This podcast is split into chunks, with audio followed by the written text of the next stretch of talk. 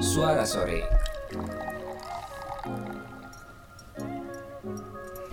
Ngobrolin apa aja bareng Belaga Seto dan Chris Pradana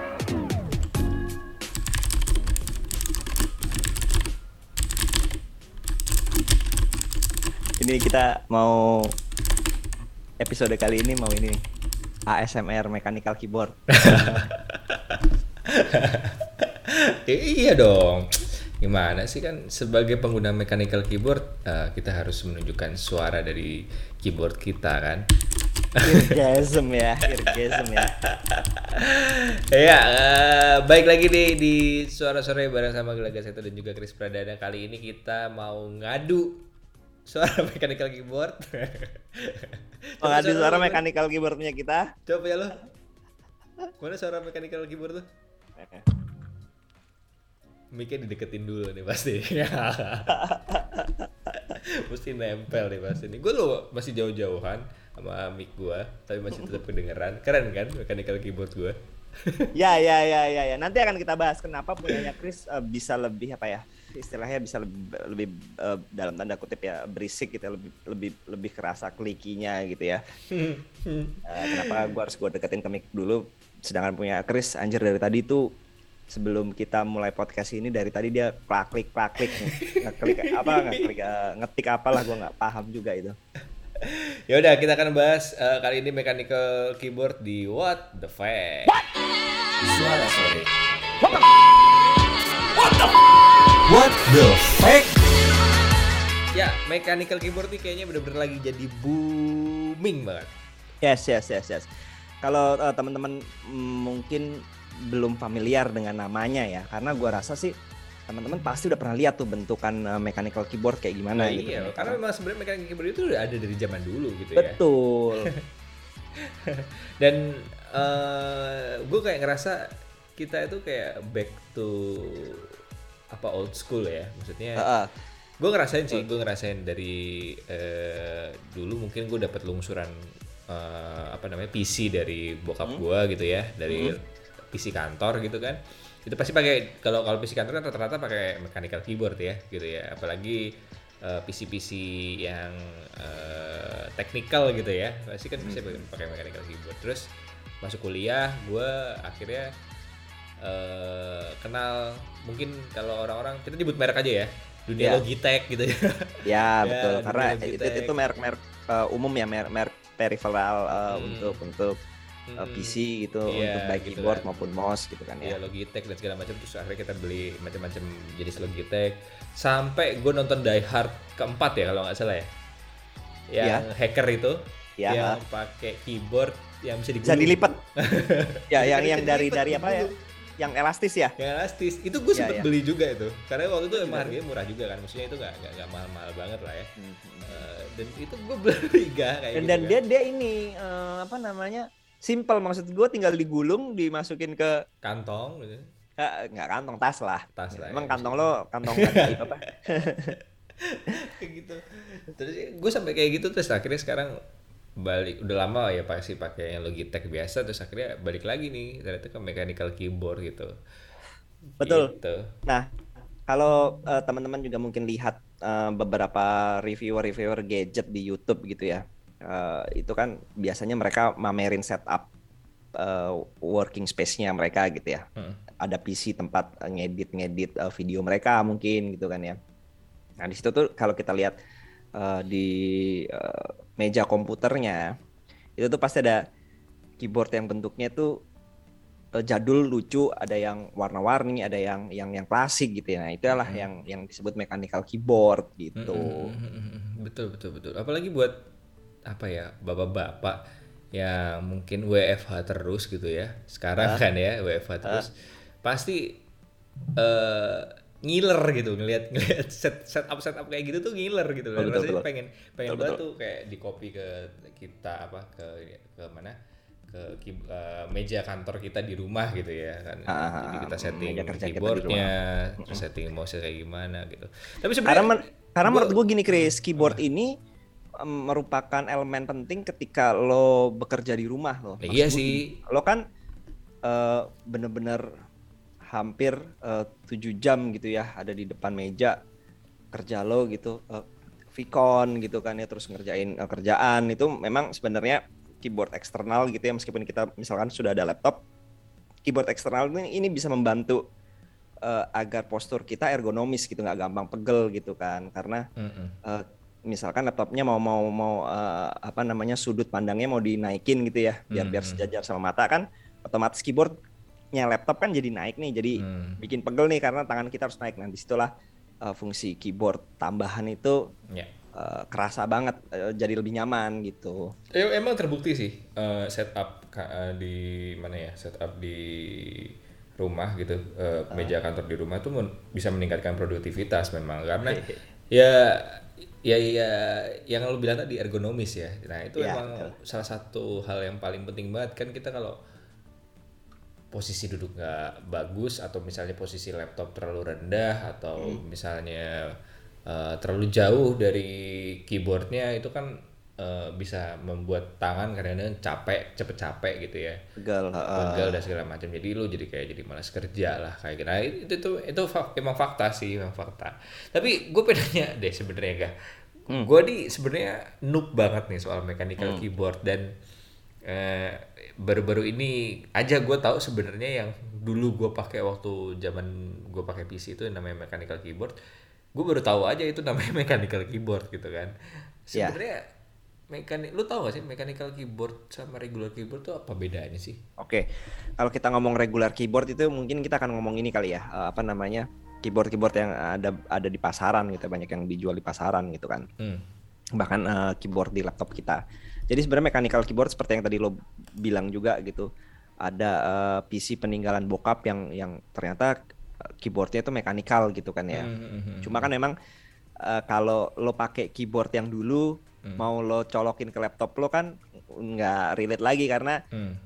portnya udah nggak ada tuh port apa PC tuh ya apa sorry apa ya namanya lupa gue yang bulat itu tuh ya kan oh iya iya harus hmm. itu kalau nggak salah kita harus, harus pakai ada konverternya, konverternya gitu terus kan. nanti baru apa namanya USB micro terus baru nah, ke USB gitu lah. keyboard keyboard mekanikal zaman sekarang juga sebenarnya udah ada yang yang uh, um, pakai Bluetooth gitu kan jadi hmm. jadi mempermudah untuk konektivitas ke laptop nah Mm-hmm. Uh, bedanya itu gini. Jadi memang benar keyboard mechanical itu sebenarnya udah udah udah lama gitu, udah dari tahun 1980-an lah, ya kan. Mm-hmm.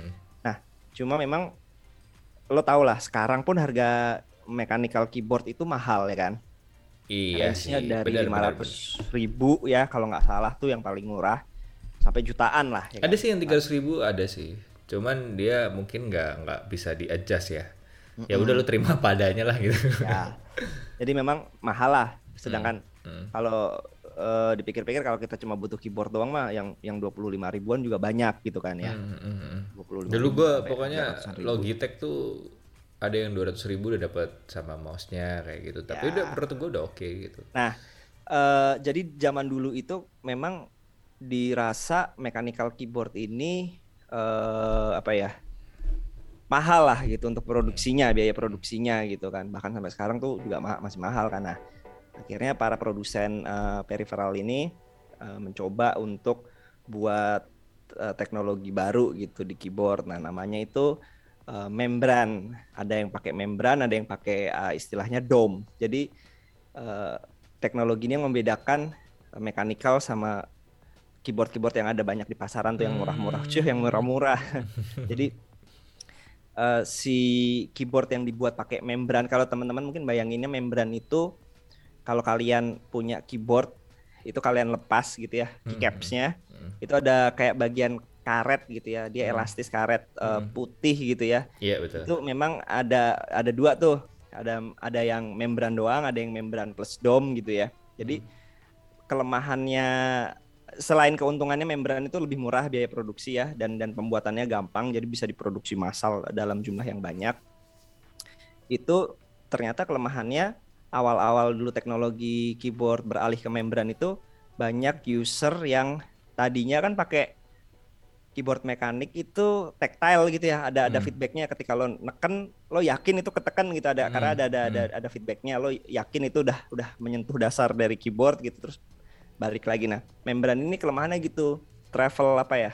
Travel distance-nya si keyboard ini tipis gitu. Jadi kadang aduh udah kepencet belum ya? Kayak- iya nggak nyaman lah orang-orang yang biasa pakai iya, zaman dulu. iya. akhirnya eh, ditemukan teknologi baru namanya dome dome itu jadi kayak membran itu kayak tetap apa ya karetnya itu seolah-olah eh, Mantul gitu. menyerupai oh, oh, menyerupai eh, mechanical mechanical switch gitu. Jadi tetap ada Hmm. jaraknya gitu ya. Jadi tetap Hmm. kerasa travel distance-nya. Cuma ya ya lebih empuk. Dan kalau teman-teman tahu sih bedanya mungkin kalau yang membran itu ya jelas bunyinya lebih silent lah gitu. Nggak nggak nggak ada suaranya gitu kan. Iya kayak, betul betul. kayak keyboard kayak keyboard keyboard di laptop lah bayanginnya gitu.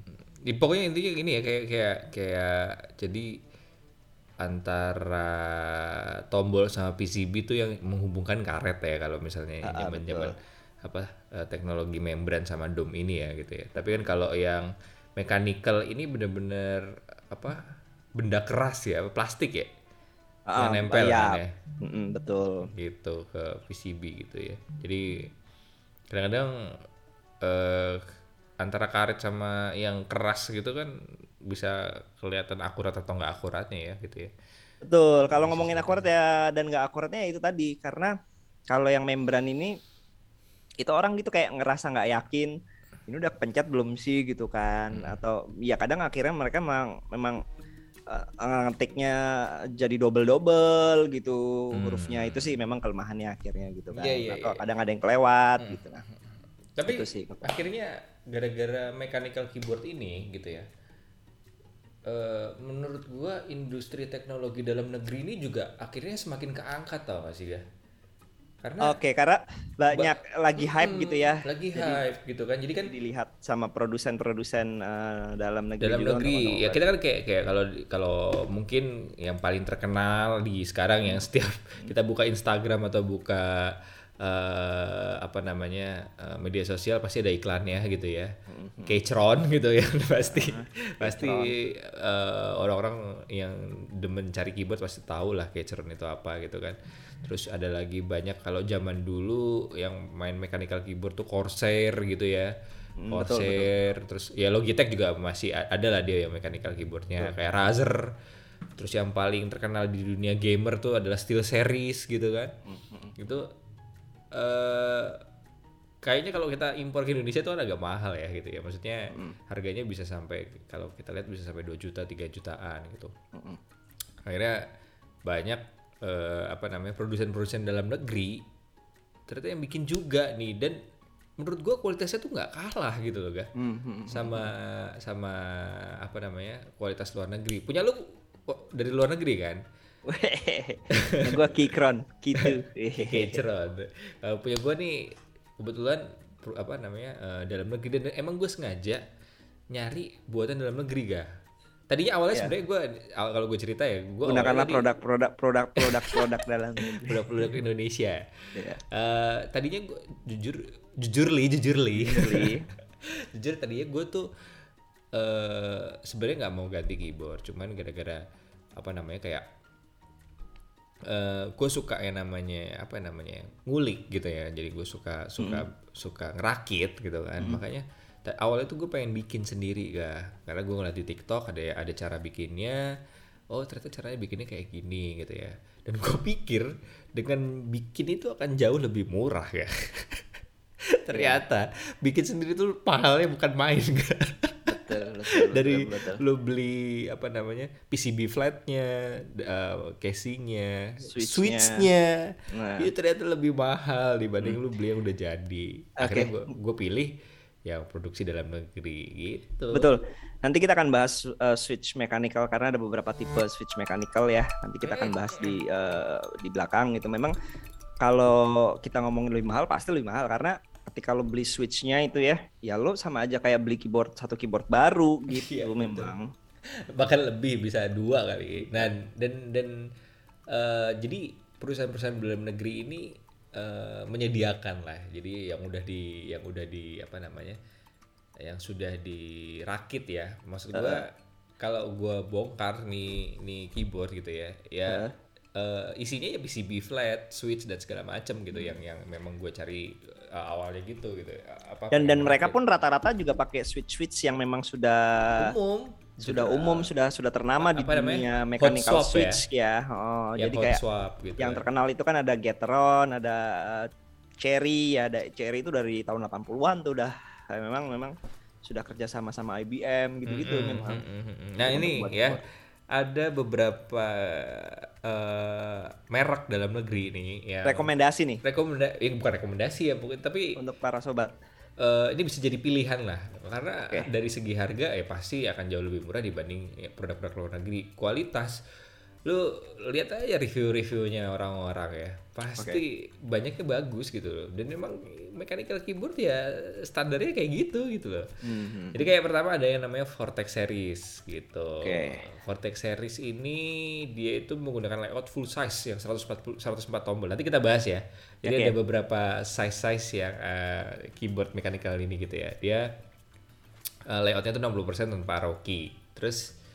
Eh, yang kedua ada yang mungkin ini cukup terkenal buat eh, para desainer nih kebanyakan kalau gue lihat di TikTok kebanyakan pakai ini karena secara desain dia memang sangat menarik gitu ya. Eh, dan apa namanya dari sisi eh, aksesoris gitu dari kabelnya terus habis itu eh, apa namanya mousepad dan segala macamnya itu memang menarik eh, dari segi desainnya. Kayak yang terakhir tuh kalau nggak salah Voyager Voyager 68 tuh terkenal banget tuh ini namanya press play. Dia itu Display dengan ya. Salah keyboard satu tipenya Voy- Voyager Voyager Voyager- 68 68 gitu. Jadi udah di loop juga nih ininya. Apa namanya switchnya gitu ya. Hot swappable eh, hot swappable switch juga gitu ya. Terus eh, Sebentar, sebelum kita bahas hot swappable, mumpung lo mention hot swappable, swappable ini buat uh, para teman-teman yang baru berkecimpung juga nih di misalkan ada yang uh, lagi mau switch ke mechanical keyboard ya. Hot swappable switch itu teman-teman bayangin uh, keyboardnya teman-teman, keyboardnya mechanical teman-teman itu switchnya bisa diganti. Jadi kalau bosan pakai tipe switch tertentu dia bisa kita ganti gitu ya Chris ya. iya betul betul sekali Kalau karena kalau yang nggak hot swappable itu kalau lo mau ganti lo harus cabut, harus lo solder ulang gitu gitu. iya benar rusak lah ya jadi gitu Hmm.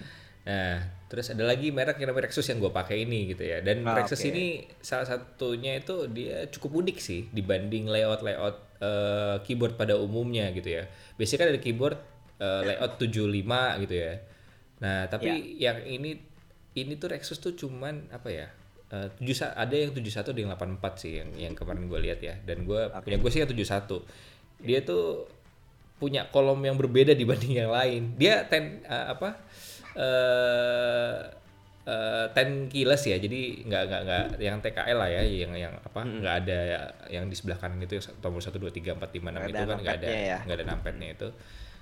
Tapi menarik aja sih dan nggak ada F1 F2 F3 tuh nggak ada di M71 ini Oke, gitu. Karena dia berapa 71 ya? 71 tapi kalau 84 dia ada yang F1 F2 F3 nya cukup cukup menarik sih eh, tampilannya dan kenapa gue waktu itu pilih Rexus ya Eh, karena eh, salah satunya ya gue terinfluence dari salah satu tiktoker yang dia bisa bikin dari emang ini dari dulu gue cari gitu ya apa namanya eh, kayak case nya diganti yang jadi tipe kayu gitu segala macem terus Oke, habis itu bisa uh, apa uh, ini ya mm, sebagai laptop eh kok laptop keyboard yang mudah di ganti custom ya. custom nah itu yang itu makanya dan ini banyak banget sih cara-cara kalau di YouTube banyak yang nge-custom si Daxa M71 Pro ini gitu Oke. makanya gue beli ini gitu waktu itu pilihan gue jatuh ke tangan sini gitu karena emang gue tujuan awal gue beli ini karena gue pengen ini sih pengen ngulik gitu pengen pengen gue Hmm. otak atik gitu nggak mau dengan yang standar kayak gini gitu Oke.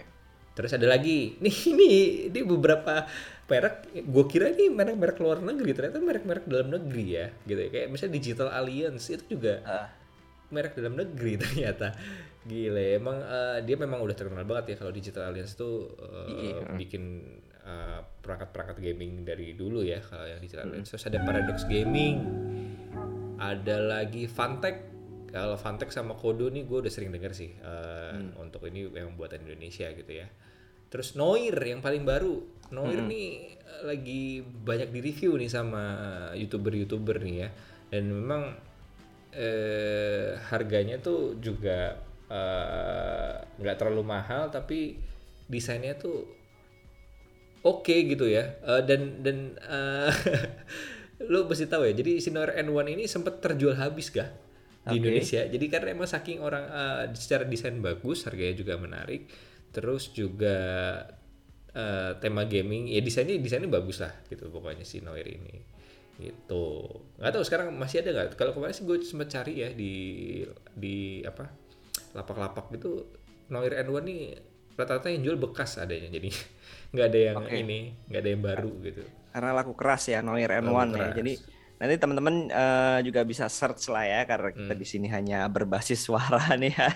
nggak bisa nampilin eh, gambar nanti mungkin eh, yang kita sebutin tadi bisa di di, di googling sendiri lah ya itu itu Mm-mm. keyboard keyboard lokal dengan dengan kualitas mechanical keyboard yang yang yang bagus Iya, lah ya. Betul banget. Gue gue bener-bener berdoa banget sih eh, ini ya apa namanya eh, keyboard keyboard ini bisa mendunia lah misalnya.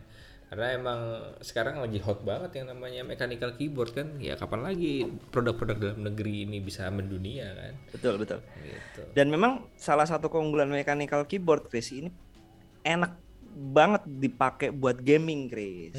Hmm. Kenapa kalau pakai gaming enak?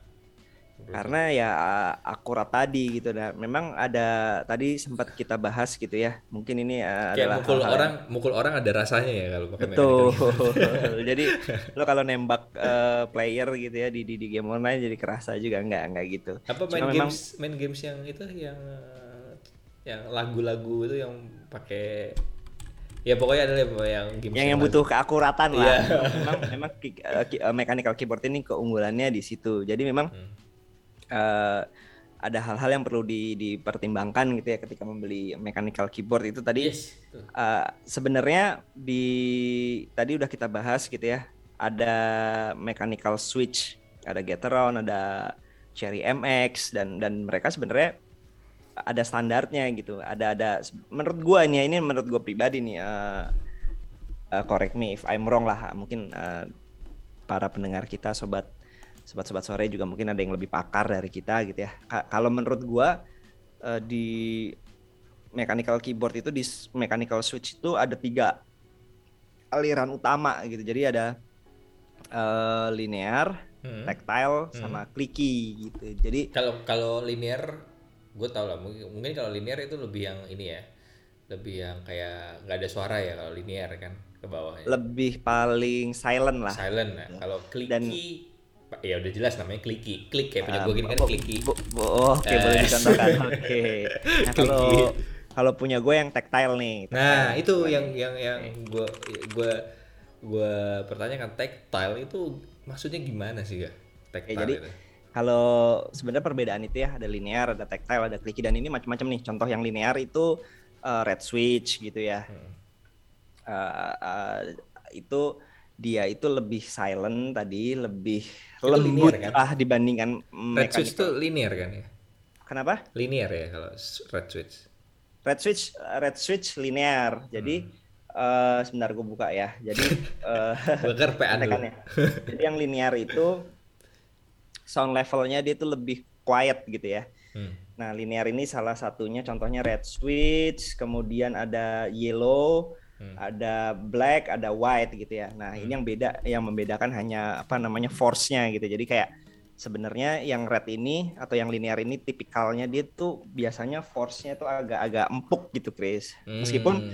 akhirnya ada orang yang suka suara silent gitu ya. Hmm. Suara silent tapi tetap pengen yang membal gitu ya, force-nya tetap tetap kuat gitu maksudnya tetap apa ya tetap kerasa membal gitu membal banget gitu ya itu itu nanti ada di contohnya di uh, black switch gitu ya dia dia lumayan agak keras agak kayak si brown gitu yang tactile tapi tetap suaranya tuh lebih silent gitu nah Hmm. tapi ya yang utama itu sih ada mm, red eh, brown brown itu yang tactile Hmm. Sama yang blue. Blue itu yang clicky yang kayak punya Chris gitu. Yang yang gue tuh yang brown yang Tapi tactile banyak Jadi- ya sebenarnya. Ada yang ada lagi kan? Ada yellow ada Betul. Nah, menurut gue Green. yang itu tuh turunan-turunan turunan-turunan eh, yang tiga tiga ini sih ya. blue, red, sama brown. Karena ada orang yang ah gue pengen yang ngerasain tactile gitu. Kayak kayak kayak brown gitu ya. Hmm. keras dipencetnya. Tapi nggak terlalu berisik gitu. Nah itu bisa pilih yang black kayak gitu kan misalkan. Hmm. Nah, cuma yang tiga Iya, itu iya. itu sih menurut gue yang yang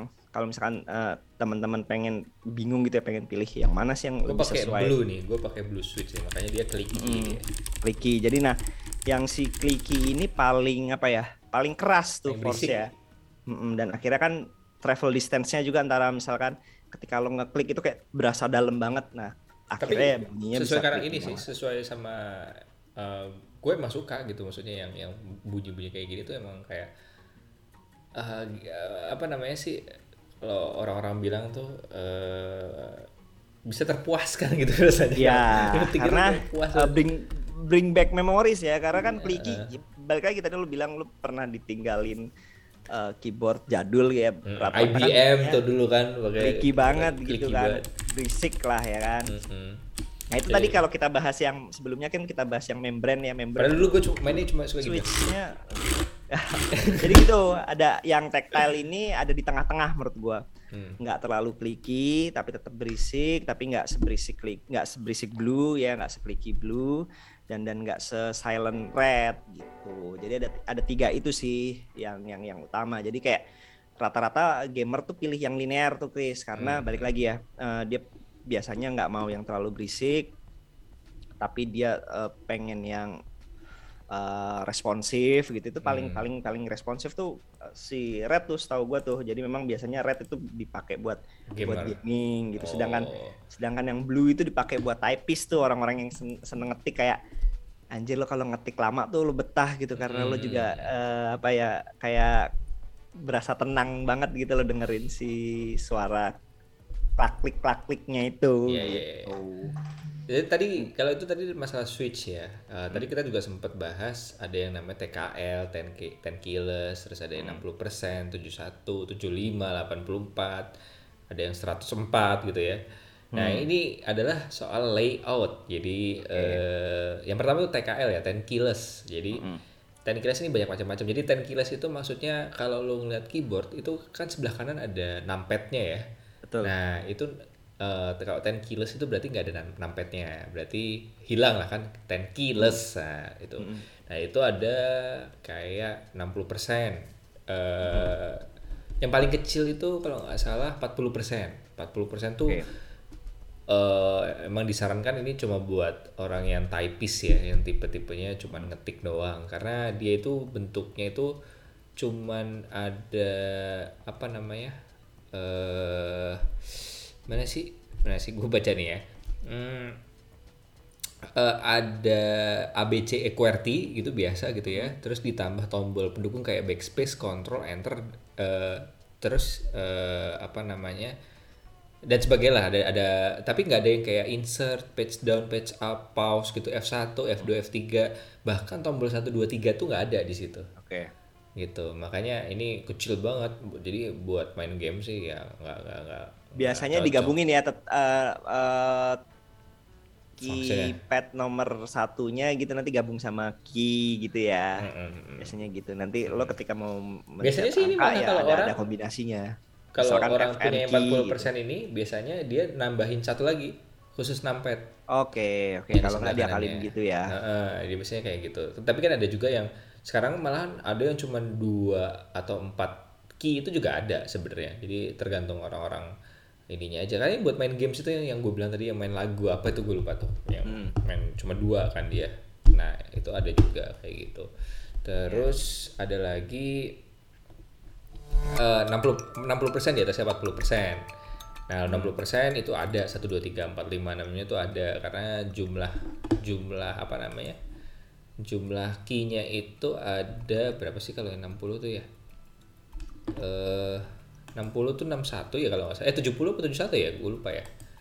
Ya pokoknya segitulah ya. Ya, 61 tombol. Jadi dia tanpa ada F1, F2, F3. Jadi kalau misalnya lu bayangin keyboard di sebelah kanan itu cuman sampai ke backspace ke bawah gitu. Terus yang F1, F2, 3-nya nggak ada. Nah, itu itu uh, keyboard uh, 6- 60 60%. Terus ada lagi keyboard 71 yang kayak gue pakai.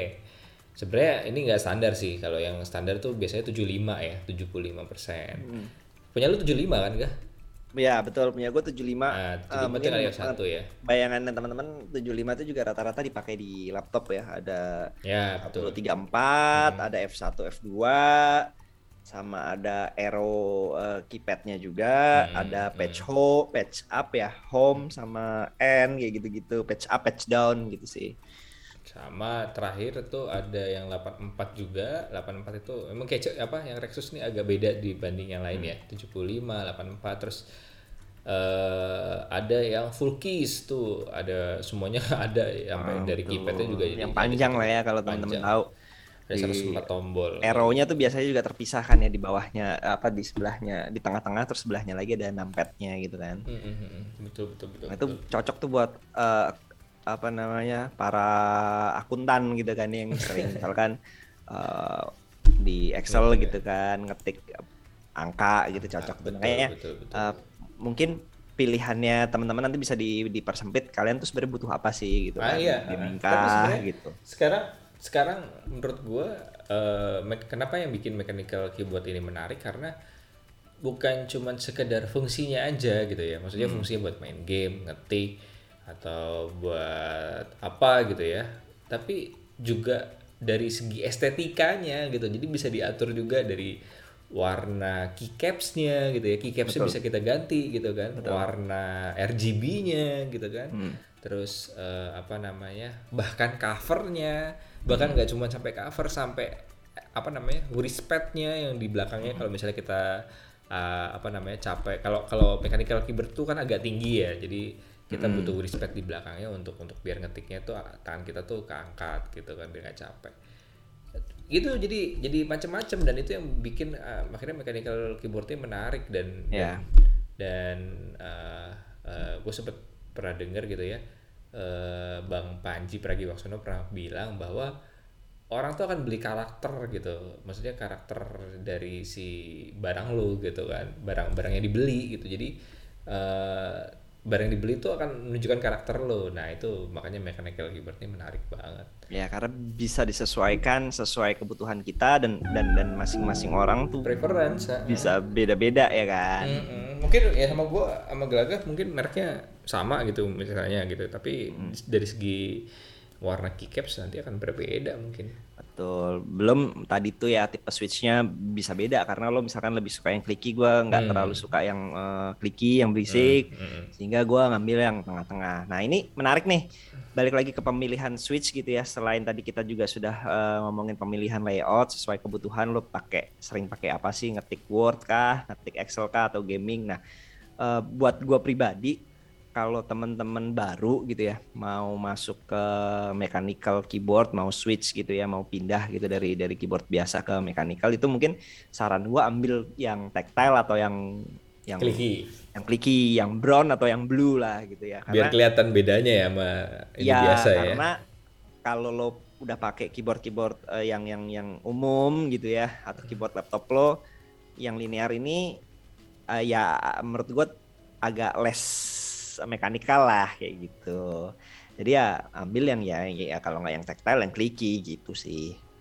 Gitu. Nanti setelah itu lo mau nyoba eh eh, kalau lo orangnya bosenan ya lo ambil keyboard yang hot swappable tuh. Jadi nanti lo tinggal misalkan bosen yang tactile lo mau nyoba yang lebih berisik lo tinggal ganti switchnya ke blue atau ah gue bosen nih eh, pakai yang blue karena kalau gua kerja anak anak gua kebangun terus ya lo ganti tuh ke yang linear atau yang pakai eh, red switch gitu itu yang Ya. hot swappable tapi tentunya yang hot swappable itu lebih mahal ya Chris ya setahu gue ya biasanya ya iya ya pasti karena kan bisa di custom kan itu sih sebenarnya makanya gue bilang yang tiga kalau ada sih ada mechanical keyboard harga tiga ratus ribu tapi yang nggak bisa lo apa apain Iya, iya.